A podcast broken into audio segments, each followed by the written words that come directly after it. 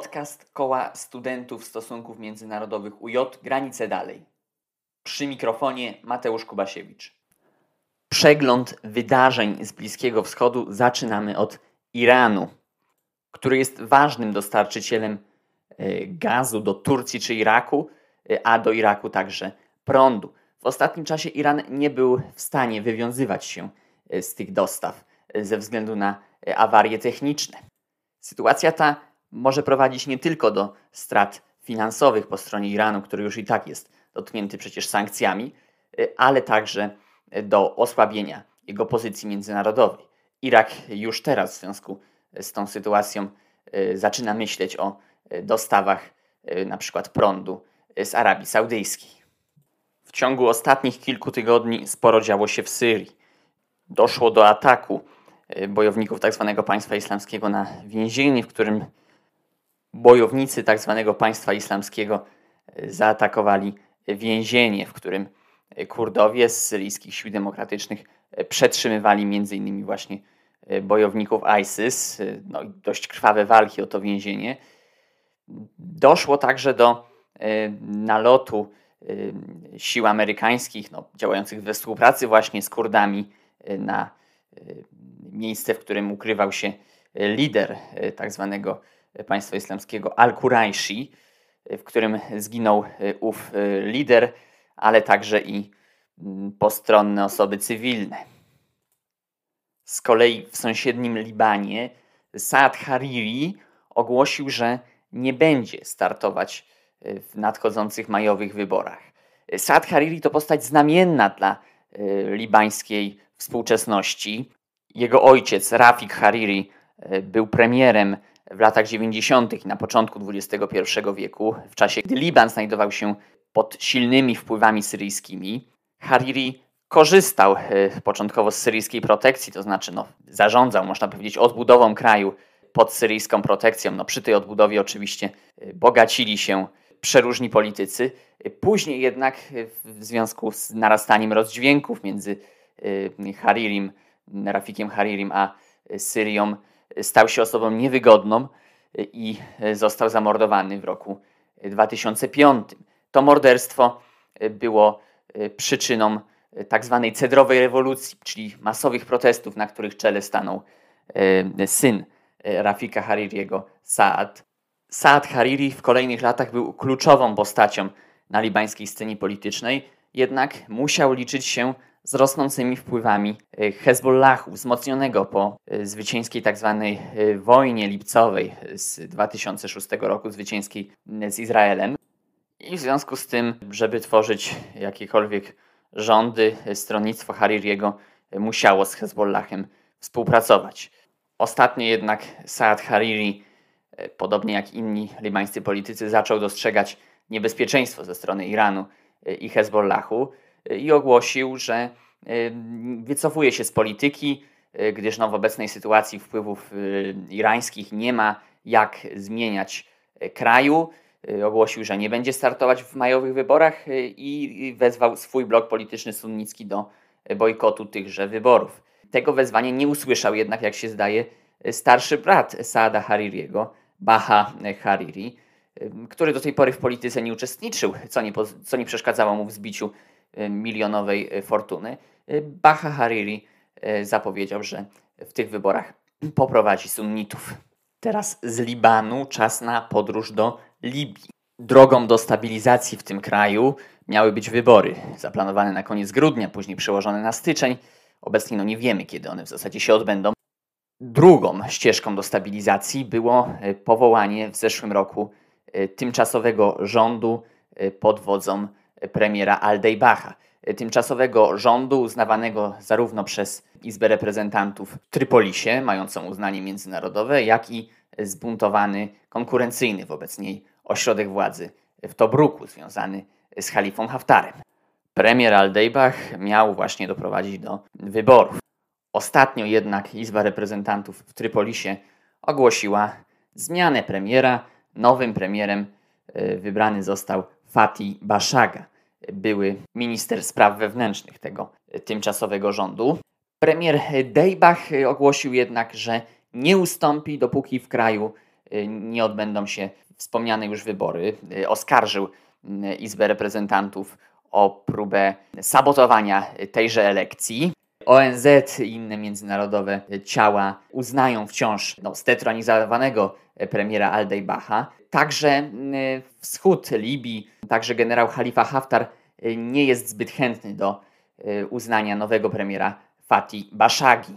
Istnieje więc groźba, że z procesu pokojowego w Libii nic nie wyjdzie, a kraj może stanąć na krawędzi wznowienia walk.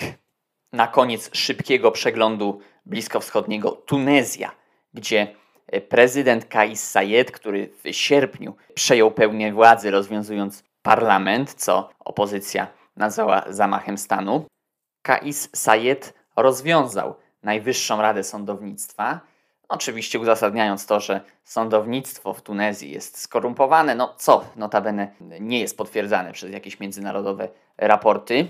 Sędziom usiłującym się dostać do budynku Najwyższej Rady Sądownictwa drogę zagrodziło wojsko. W związku z tym sędziowie tunezyjscy ogłosili dwudniowy strajk. Co do korupcji, to w rankingu percepcji korupcji Transparency International, gdzie 100 oznacza kraj wolny od korupcji, a 0 strasznie skorumpowany, Polska ma 56 punktów, a Tunezja 44 i ta różnica w ostatnich latach się zmniejszała. Zmniejszała się także różnica w rankingach demokracji, no ale poczynania prezydenta Kaisa Sayeda z pewnością spowodują duży spadek Tunezji w rankingach demokracji. Na koniec mojej części raportu jeszcze depesza z Burkina Faso. 23 stycznia świat obiegły wieści o buncie w koszarach armii. Kolejnego dnia okazało się, że wojskowi, niezadowoleni z niewystarczających wysiłków rządu w walce z islamistami, przejęli władzę, odsuwając prezydenta Kabory. Kabory doszedł do władzy po tym, jak w 2014 roku wskutek masowych protestów ze stanowiska zrezygnował Compaore, rządzący krajem silną ręką od 1987 roku, kiedy to obalił i pozbawił życia twórcę nazwy państwa oznaczającej kraj prawych ludzi, Tomasa Sankary. Zwycięstwo Kabory w wyborach w 2015 roku traktowano jako krok w stronę demokracji w Burkina Faso. Jednak nowy prezydent nie radził sobie z islamistami, m.in. z Al-Kaidy, a jego reelekcja w 2020 roku e, krytykowana była za brak uczciwości. W ostatnim czasie trwały protesty przeciw sytuacji w kraju, której pucz bynajmniej nie poprawi. Zamach stanu został skrytykowany przez ECOWAS, czyli Organizację Współpracy Gospodarczej Państw Afryki Zachodniej i Unię Afrykańską, która potępia wszystkie przewroty i rewolucje w Afryce, gdyż pierwsze skrzypce grają w niej politycy zatroskani o swą demokratyczną, wieloletnią władzę, tacy jak Yoweri Museveni, rządzący Ugandą od 1986 roku i Paul Kagame, władający Rwandą od 28 lat, którzy nie pamiętają już, jak widać, że sami doszli do władzy wskutek konfliktów zbrojnych. Hipokryzja wspomnianych afrykańskich dyktatorów nie zmienia jednak faktu, że pucz w kraju prawych ludzi to kolejny już w ostatnim czasie zamach stanu w Afryce. W zeszłym roku doszło do siłowej władzy w Mali, Sudanie i Gwinei, a w Czadzie po śmierci dyktatora Idrisa Debiego władzę jego synowi także przekazali wojskowi. Niewiele wiemy o przywódcy puczu z Burkina Faso, który nie pokazał się w telewizji, a przemówienie o przejęciu władzy dał do odczytania skromnemu kapitanowi.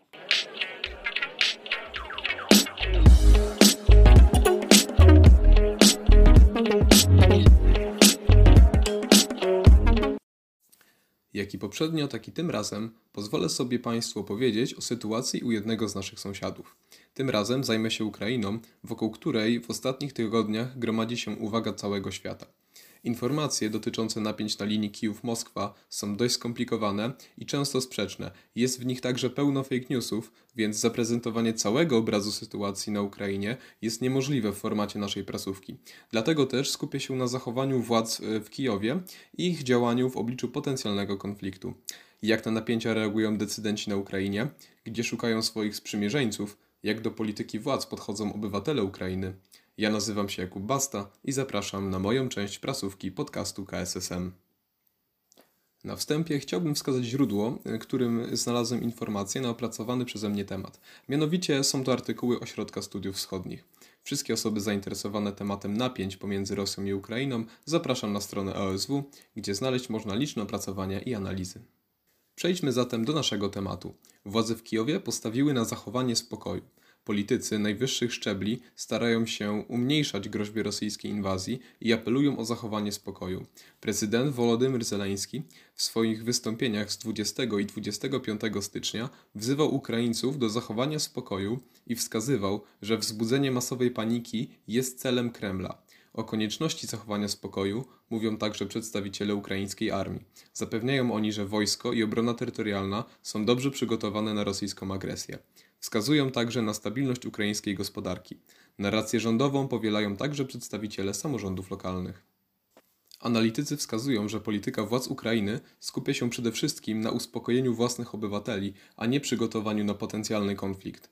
Wśród decydentów obawy budzi masowa histeria, która spowodowałaby niewyobrażalny chaos w państwie i wywołała równie groźny kryzys gospodarczy.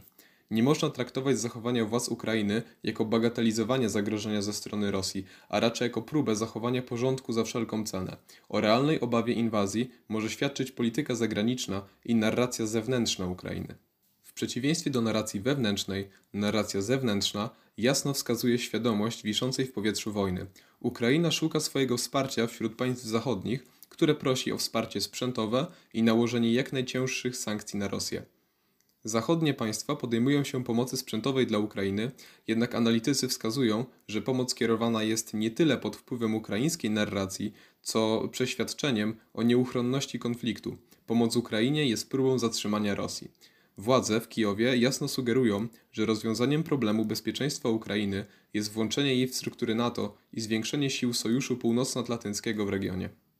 Pomimo narracji nawołującej do zachowania spokoju, ukraińskie społeczeństwo wykazuje postawę pełną determinacji. Ponad połowa społeczeństwa wskazuje, że zagrożenie ze strony Rosji jest realne. Jedna trzecia deklaruje gotowość do zbrojnego oporu przeciwko inwazji, a ponad 20% deklaruje obywatelskie działania na rzecz zachowania pokoju.